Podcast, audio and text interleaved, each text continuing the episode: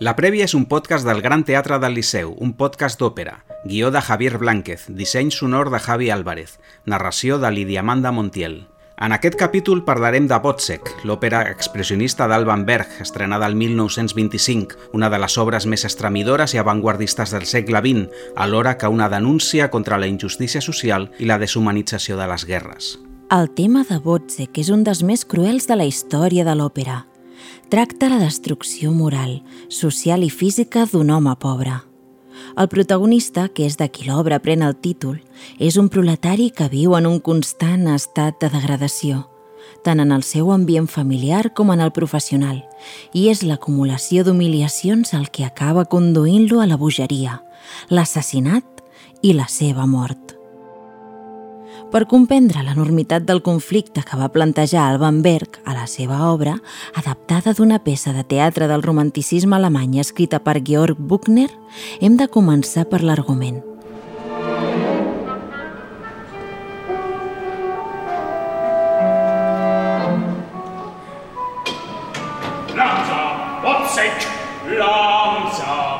La història gira al voltant del soldat Botzek, un home indefens i sense voluntat que està perdent la raó i pateix tota mena de menyspreus per part dels seus superiors i veïns.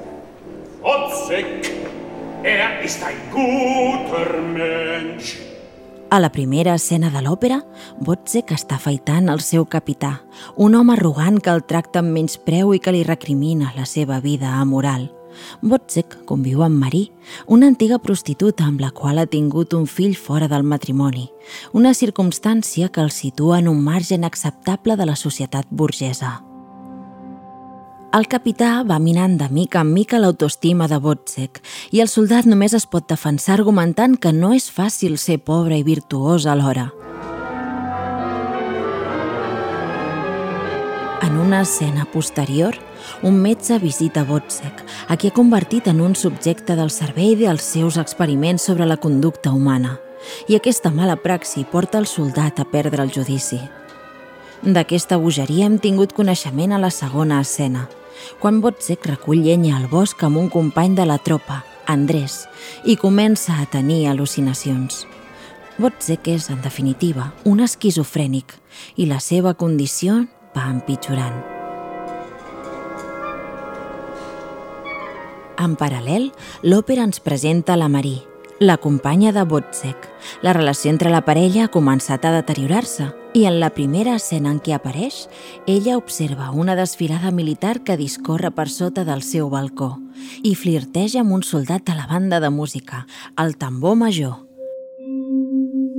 Aquest percep l'atenció de Marie i en una escena posterior es presentarà a casa seva, li regalarà unes arracades i iniciarà un acostament sexual.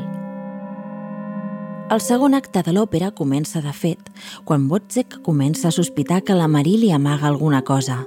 Veu que ella porta unes arracades noves, pregunta d'on han sortit i la Marie li amaga la veritat. Si en aquell moment Botzek ja estava colpejat per diverses humiliacions, la primera sospita d'infidelitat l'enfonsa definitivament. I aleshores és quan el drama es tenyeix de sang.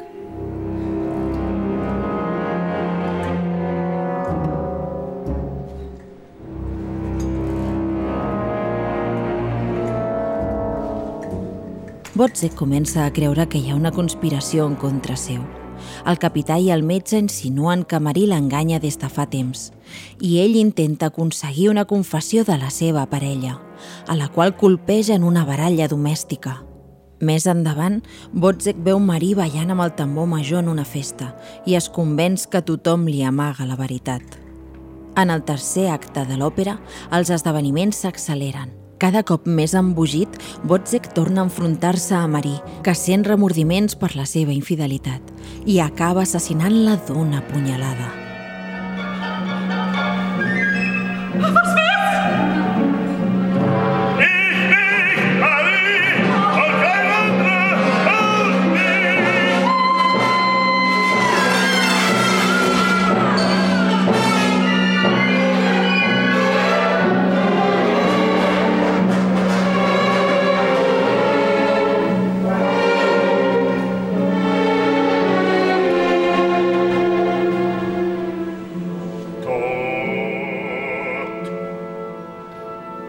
després del crim, Botzek entra en una taverna tacat de sang i tot el poble l'acusa d'assassinat.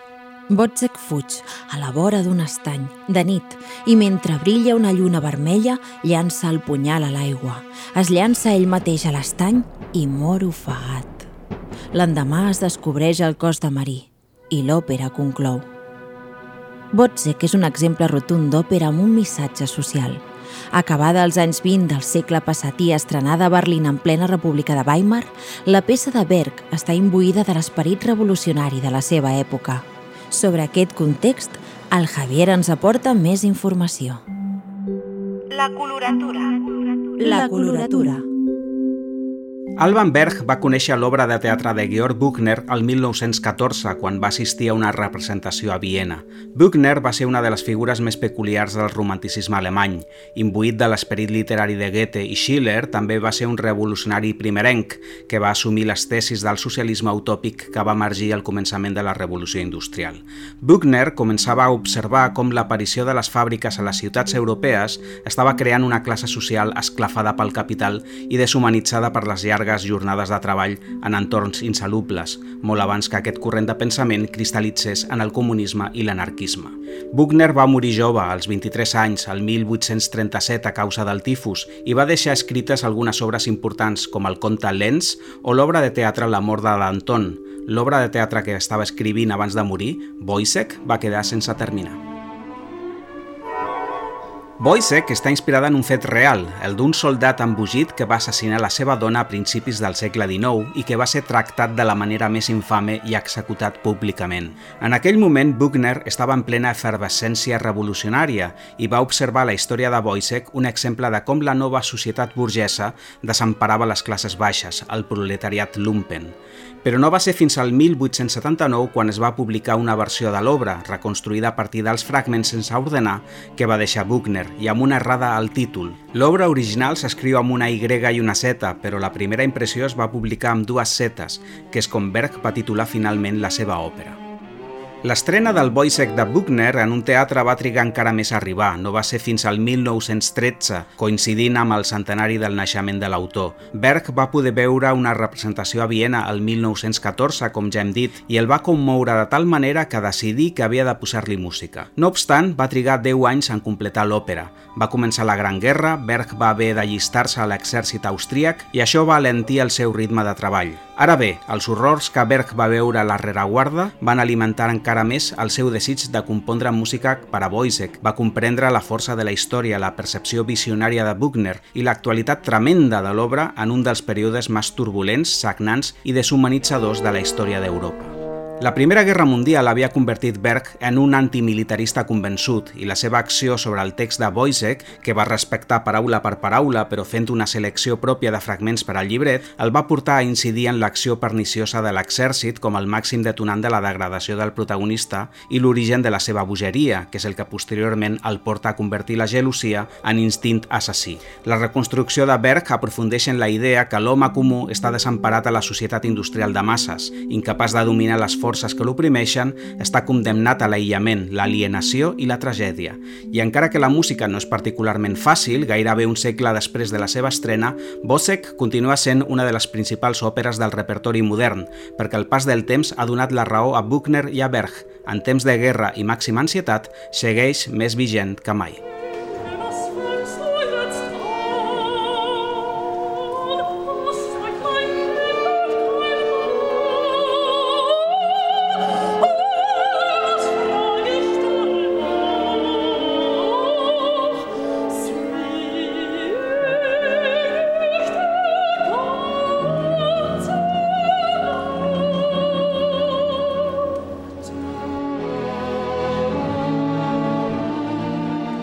Alban Berg va néixer en una família treballadora de Viena molt empobrida i els temes de Botzek el van afectar profundament des del primer contacte que va tenir amb l'obra de teatre, ja que tenia molt interioritzada la condició proletària.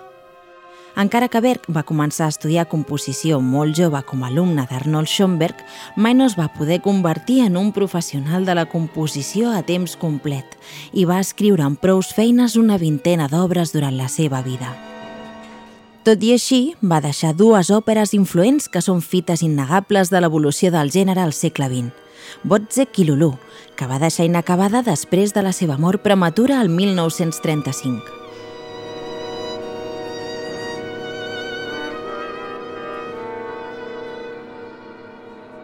Lulu és una òpera dodecafònica, influenciada pel nou sistema de composició ideat per Schoenberg als anys 20, i harmònicament és una peça d'una enorme complexitat. Botzek, en canvi, s'emmarca en l'estil expressionista del període d'entreguerres i encara que el seu llenguatge també és difícil, Berg va voler mantenir alguns punts de contacte amb la tradició precedent. Musicalment parlant, Botzek és una obra en què se superposen dues capes, una més lúdica i una altra extremadament moderna i avantguardista, que és el que fa que molts crítics la considerin com la primera òpera amb un estil ple del segle XX.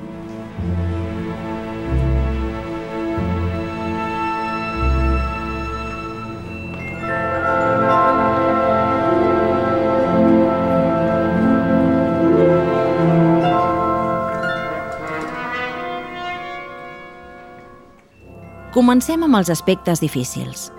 Berg es va adherir des del començament de la seva carrera al corrent modernista de Viena i va treballar amb un estil harmònic atonal, inspirat en Schoenberg, a qui considerava un déu. Les seves línies musicals són inestables i ens porten per camins recargolats cap a melodies que no es tanquen del tot. Botzek és una òpera dissonant, on el suport harmònic, en lloc de sonar tou i còmode, sembla que estigui fet de línies de metall esmolat. A més, Berg va incorporar una innovació que ja havia començat a aparèixer a l'òpera a principis de segle, però que ell va portar a un nivell més complicat, que és el que en alemany es coneix com Sprechgesang, o cant parlat, una manera d'entonar en la que els personatges dialoguen de manera rítmica, més que cantar de manera convencional. Frau, habe schon 20 solche Patienten gemacht. In vier Wochen... Oh Gott, erschrecken Sie mich nicht! Es sind schon Leute am Schreck gestorben! Am purer Hölle In vier Wochen... Aquest estil és el característic de l'òpera avantguardista i s'ha mantingut fins avui com una convenció que renuncia a la gràcia aèria del bel canto italià o al cant dramàtic de les òperes de Wagner. Sens dubte, és una primera barrera per apreciar la força de Botzek. Si els nostres referents són els de l'òpera clàssica o l'òpera romàntica, però el segle XX va començar sent un temps turbulent i rupturista, i els modernistes de les primeres dècades van reaccionar composant una música que responia a la violència i la inestabilitat del seu temps. Així i tot, Berg no va voler allunyar-se completament de la tradició i cadascun dels tres actes en què es divideix l'òpera estan creats a partir de jocs musicals que al·ludeixen a formes del passat, que se sostenen sobre acords convencionals a partir dels quals Berg inicia el seu viatge harmònic dissonant. És a dir, comença amb patrons familiars que després esdevenen complicats. No ens abandona del tot en un mar turbulent, sinó que ens dona punts per agafar-nos i seguir surant.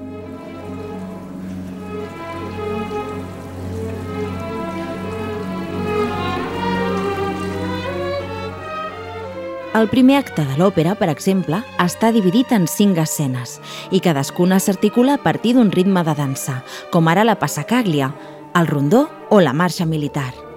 Això dona a Berg l'oportunitat de presentar certs personatges com si fossin figures de l'òpera còmica. I el capità i el metge, per exemple, els han de cantar un tenor i un baix bufos, dues veus típiques de les òperes de Rossini. El segon acte està organitzat com una sinfonia en cinc moviments, seguint una estructura semblant a la que va perfeccionar Beethoven, amb un primer moviment en forma sonata, una fantasia i fuga, un llarg, un esquerzo i un rondó. El tercer acte, que es divideix en cinc escenes més, té la forma de la invenció a l'estil barroc. Cada quadre juga amb un motiu, a partir d'una nota, un ritme o un tema musical, que Berg esprema al límit, L'òpera, a més, és simètrica i equilibrada. Alterna una part còmica amb una part crua, la bellesa amb l'horror i la facilitat amb la dificultat. I també té una dimensió simbòlica molt important. La nota si al·ludeix a la mort i és l'acord que domina l'ofegament de Botzek.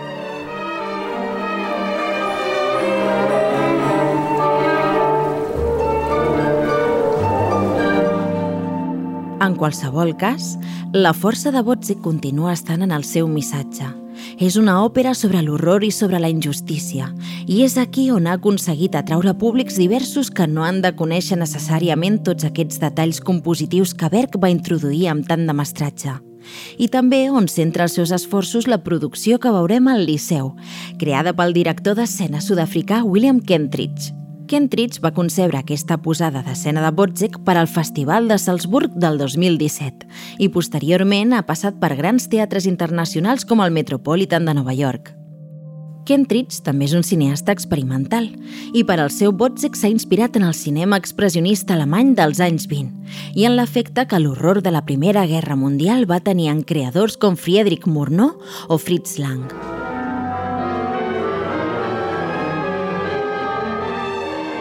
Així, l'escenari es presenta com una superposició de nombroses capes de significat, decorats en clarobscur, imatges fixes i mòbils projectades en una pantalla que funciona com a taló de fons i un vestuari que s'acosta a les nostres idees més horribles del que seria un apocalipsi nuclear.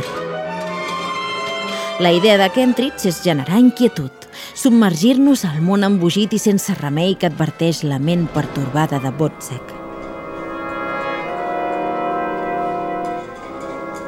En aquesta producció comptarem amb un elenc vocal de primer nivell dirigit per Josep Pons i que tindrà com a protagonista el paper de Botzek el gran baríton alemany Matthias Gerne i Anna Marie Kremer el paper de Marie, una soprano dramàtica molt versada en papers baristes i de l'expressionisme del segle XX.